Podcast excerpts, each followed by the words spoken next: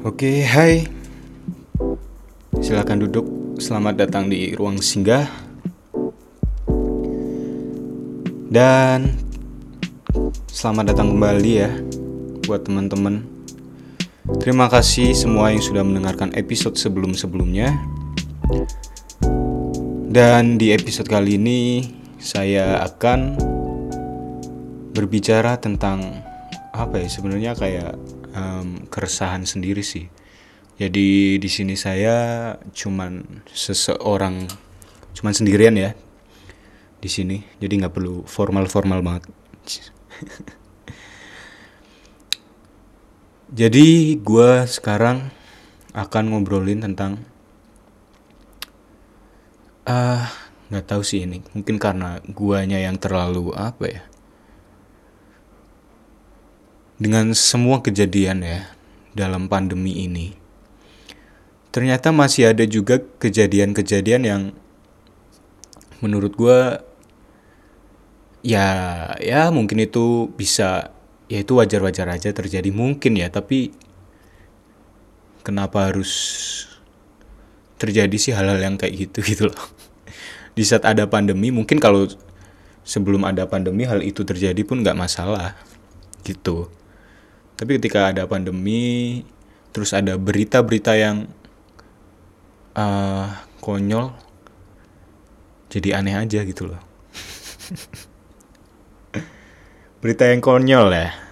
Jadi kita akan membahas berita-berita konyol yang terjadi selama pandemi. Anjir, jadi kayak jadi kayak ini acara TV yang cuman cuman isinya tuh cuman baca-bacain berita, baca-bacain komen. Oke okay ya. Ini ya mungkin berita-berita ini udah lama sih cuman gue baru sempet tag ya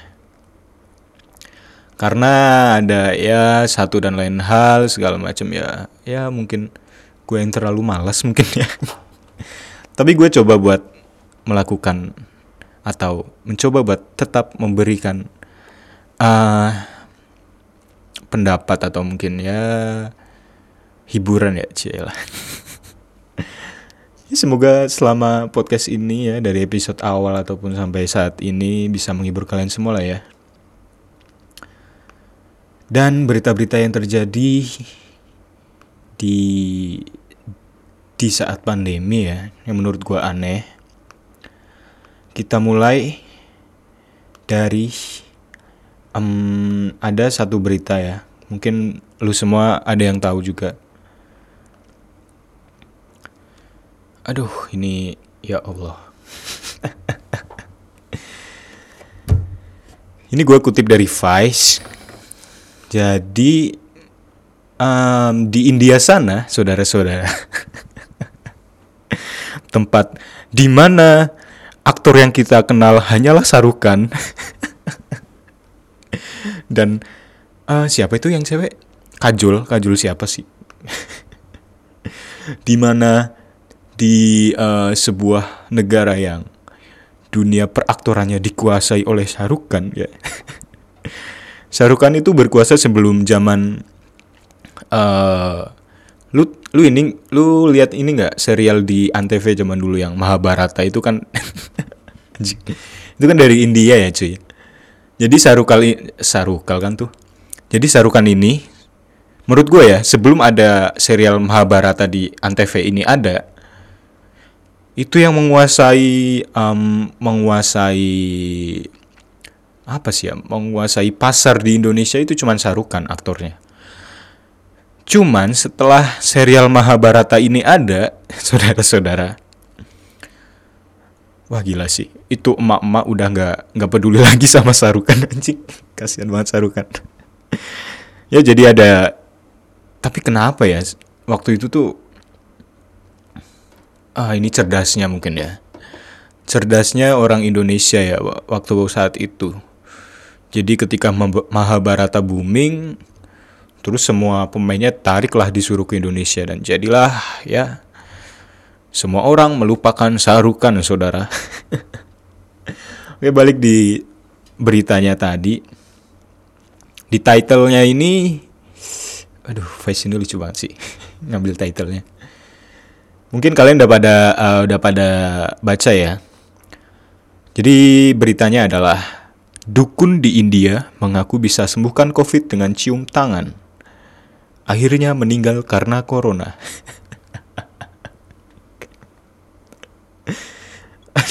ini gak masuk akal anjing. Aduh. Dan naasnya cuy. Sejauh uh, sejauh sebelum dukun ini meninggal ya. ada 20 orang di sekitar padepokan si dukun itu ikutan positif COVID-19 ya. Di daerah tempat tinggal si dukun itu. Itu mungkin gara-gara si dukun itu ya kena corona.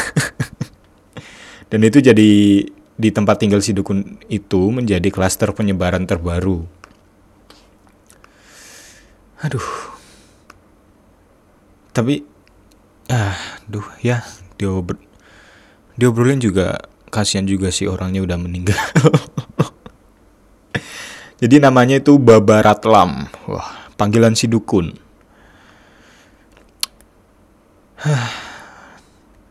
Dia itu panggilan itu merujuk di sebuah distrik tempat dia tinggal sekaligus berpraktek ya.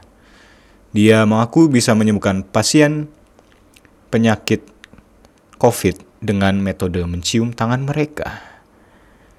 Aduh. Warga selama bertahun-tahun menganggapnya sakti. Nah ini, dia pun mengelola padepokan berisi murid-murid yang, waduh, ingin belajar agama sekaligus ilmu kanuragan. Gila cuy. Wah elah ini ada kutipan ya dari kepala distrik si dukun nih ya saat dihubungi oleh Vice itu uh, kepala distriknya bilang dukun tersebut menjalani tes PCR tak lama setelah mengalami gejala setelah mengalami gejala sakit parah dan beberapa hari kemudian meninggal ketika hasil tes memastikan dia tertular COVID-19. Oke. Ya. Aduh, gimana ya Pak Dugun? Ini ya kalau gue baca berita tentang eh, hal-hal uh, mistis, bukan mistis ya, apa ya? Um, praktek-praktek uh, supranatural ya praktek-praktek spiritual spirit spirit praktek spirit kayak gini ya. Kalau dukun-dukun di Indo di India ini kalau dari yang perilakunya seperti ini ya uh, gue masih gue masih yakin sih sama dukun di Indonesia nih. Dukun kita tuh emang gak ada duanya cu soalnya cuy ya di Indonesia itu nggak ada metode penyembuhan dengan mencium tangan, cuy, ya. Lah kita itu dari kecil sebelum berangkat sekolah itu juga udah harus mencium tangan. Itu sebuah apa ya? Sebuah keharusan bagi seorang anak untuk menghormati orang tua. Jadi sebelum berangkat sekolah itu cium tangan segala macam tapi di India sana kenapa seorang dukun mencium tangan pasien untuk menyembuhkan penyakit? Aduh. Dan kalau emang itu sampai mengakibatkan dia tertular ya. Coba kita bayangin. Coba kita bayangin gimana uh, ketika dukun itu sedang bekerja menyembuhkan orang-orang yang telah terinfeksi virus corona ini ya. Jadi kita ambil latarnya itu di sebuah hutan, di sebuah tengah hutan, saudara-saudara. Uh, terdapatlah satu buah gubuk kayu yang tidak terlalu besar. Tinggallah di situ seorang tunawisma. Kenapa tunawisma? Sehingga uh, tinggallah di situ seorang apa ya seorang lelaki tua lelaki tua yang penyendiri dan dia sangat bersikap misterius dan di lingkungannya dia terkenal sebagai orang sakti dan dia mendeklar bisa menyembuhkan uh, orang yang terkena virus corona. Oke, okay, jadi setelah dia declare nih, oke okay, masyarakat sekalian, saya bisa menyembuhkan penyakit corona. Buat kalian yang terkena virus corona, harap datang ke alamat yang tersedia. alamatnya, alamatnya di tengah hutan. Jadi ketika itu pagi hari pun tiba, bangsa, bangsa.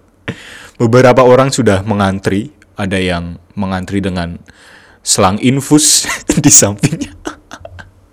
Ada juga yang mengantri dengan kursi roda. Dia sudah mengantri di depan rumah si dukun itu lalu sudah masuk satu persatu. Dan lu bayangin ya cuy ya. Nih kita kan udah bangun setnya nih ya. Oke kita lihat. Ya mungkin banyak sih ya, banyak pasien yang emang percaya dalam tanda kutip dan dia uh, bertemu sama dukun itu.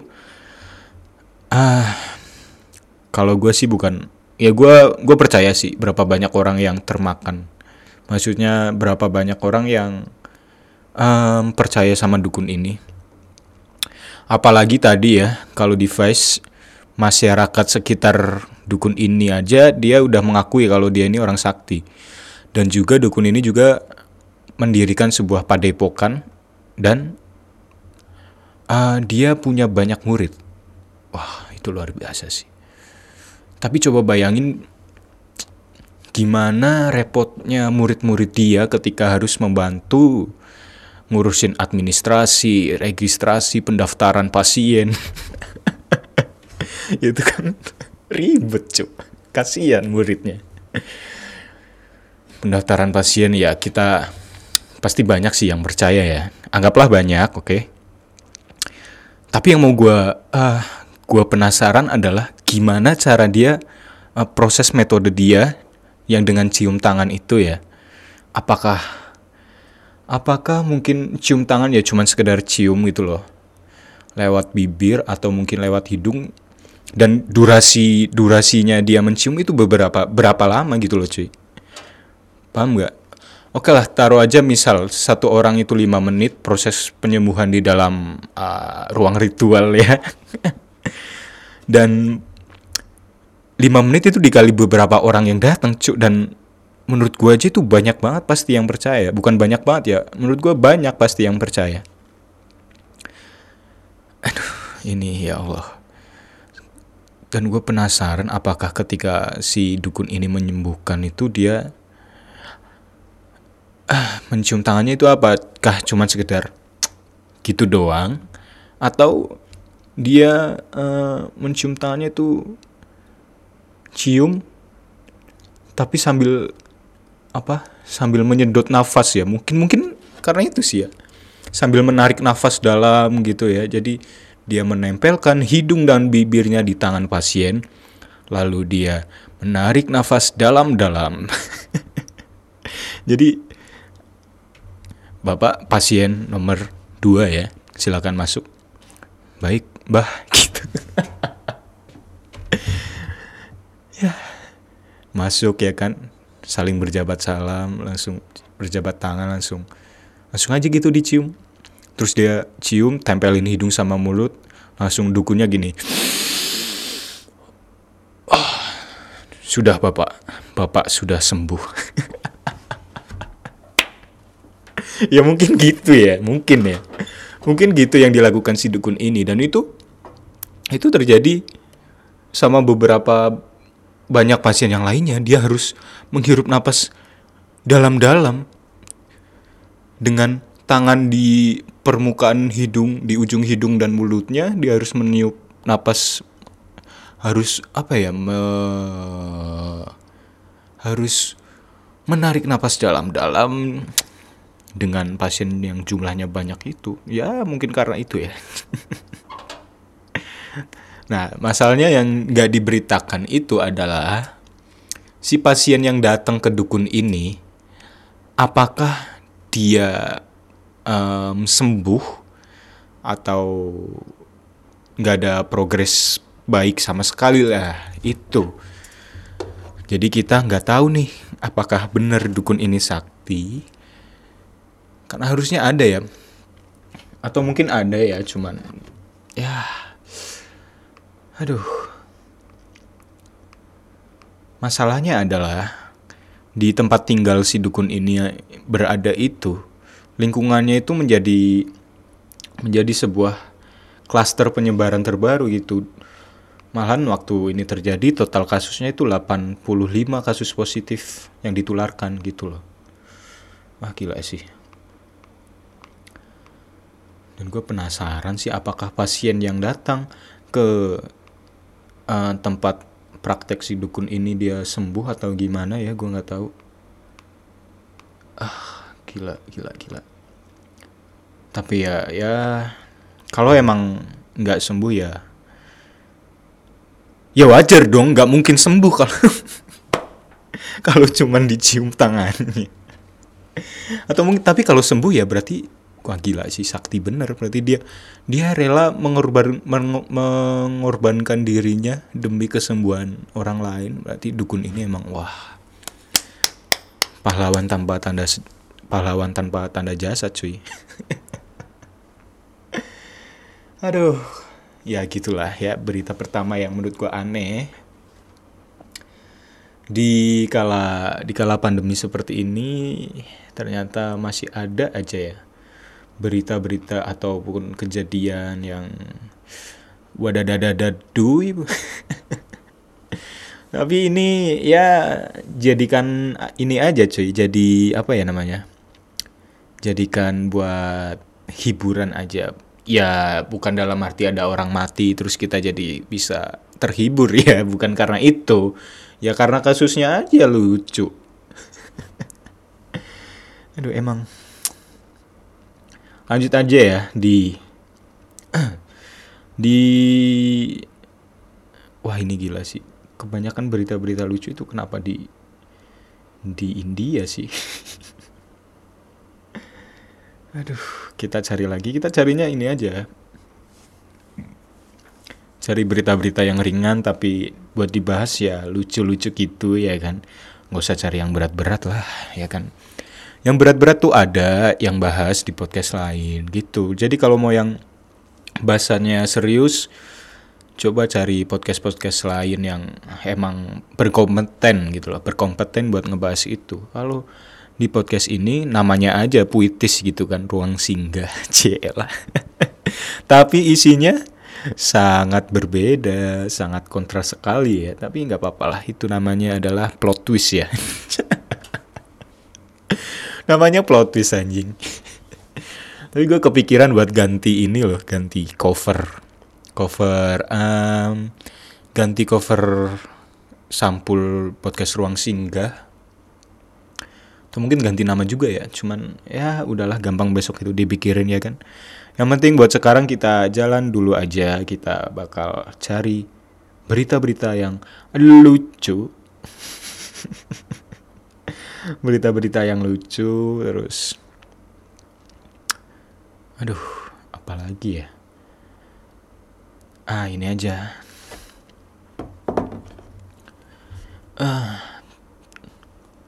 ah jangan deh terlalu terlalu serius ya. Ini gue lagi pengen yang lucu-lucu aja. Tapi nggak apa-apa kan ya kalau kita bahas yang lucu-lucu. Kalau misalkan misalkan ini ya gue coba cari di di negara lain ya. Bukan cuma di India. Tapi India tuh emang bener. Wah luar biasa sih tuh maksudnya. Unik cuy. Serius. Ini gue bacain beberapa berita um, judulnya aja ya titelnya karena gue nggak mau mengulas banyak yang itu ada di India dan itu terjadi uh, selama masa pandemi ini jadi selain Selain tadi ada dukun yang meninggal akibat mencium tangan. Wah gila itu. Selain berita yang tadi gue sampaikan, ada juga beberapa berita dari negara India yang sangat-sangat, waduh, yang sangat-sangat ya dibilang lucu, ya emang lucu, gimana ya? Ini salah satunya. Lagi-lagi dari India saudara-saudara di titelnya dituliskan ini masih gua kutip dari Vice Pasien COVID-19 di India meninggal akibat keluarga cabut ventilatornya buat nyalakan AC. Itu ya. Jadi kasus ini terjadi di Rajas Rajasthan. Gimana sih bacanya? Ya ini tragis banget. Ya emang cuk, ini tragis banget lah. Gila. Aduh, keluarga lupa memberitahu bahwa perawat eh sorry, keluarga lupa memberitahu perawat untuk membantu memasang lagi kabel ventilator tersebut. Oh, berarti ini emang keluarganya yang tidak tahu diri dan sok tahu ya. Hei, keluarga pasien yang meninggal karena dicabut ventilatornya. Aduh, Anda terlalu tidak tahu diri ya. Pasien seperti itu, keluarga Anda dalam kondisi seperti itu sedang dirawat dengan kasih sayang yang penuh oleh suster, oleh perawat di sana. Dan Anda seenak-enaknya mencabut ventilator tersebut untuk menyalakan AC. Ya Allah. Memang Anda kira rumah sakit tidak mampu bayar listrik atau gimana? Ataukah Anda takut um, saklar listrik di rumah sakit tersebut anjlok tiba-tiba? Sepertinya tidak mungkin dong, bos. Ya pasti kan di listrik itu punya apa ya? Punya daya listrik yang besar dan mencukupi sudah diperkirakan itu semua. Memang Anda kira di rumah Anda ya. Sekali colok AC sama mesin cuci ada anjlok tuh saklar ya. Itu salah satunya ya. Aduh. Terus, nah ini. Ini yang lucu sekaligus.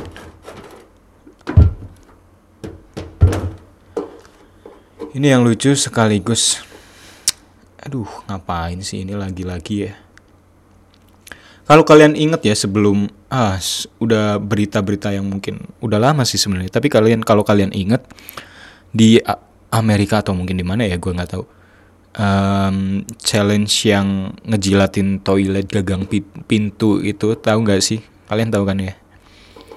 Di saat pandemi gitu dan itu sempat viral dan itu ya ternyata kejadian kejadian seperti itu terjadi lagi saudara-saudara. Ini ada tantangan bodoh bakar maskermu bermunculan di media sosial Kelompok yang menolak percaya pandemi corona di Amerika Serikat mengajak orang-orang membakar masker pakai tagar Burn Your Mask. Padahal kasus penularan COVID-19 masih terus naik. Lagi-lagi Amerika ya. ya Allah, kenapa sih Amerika?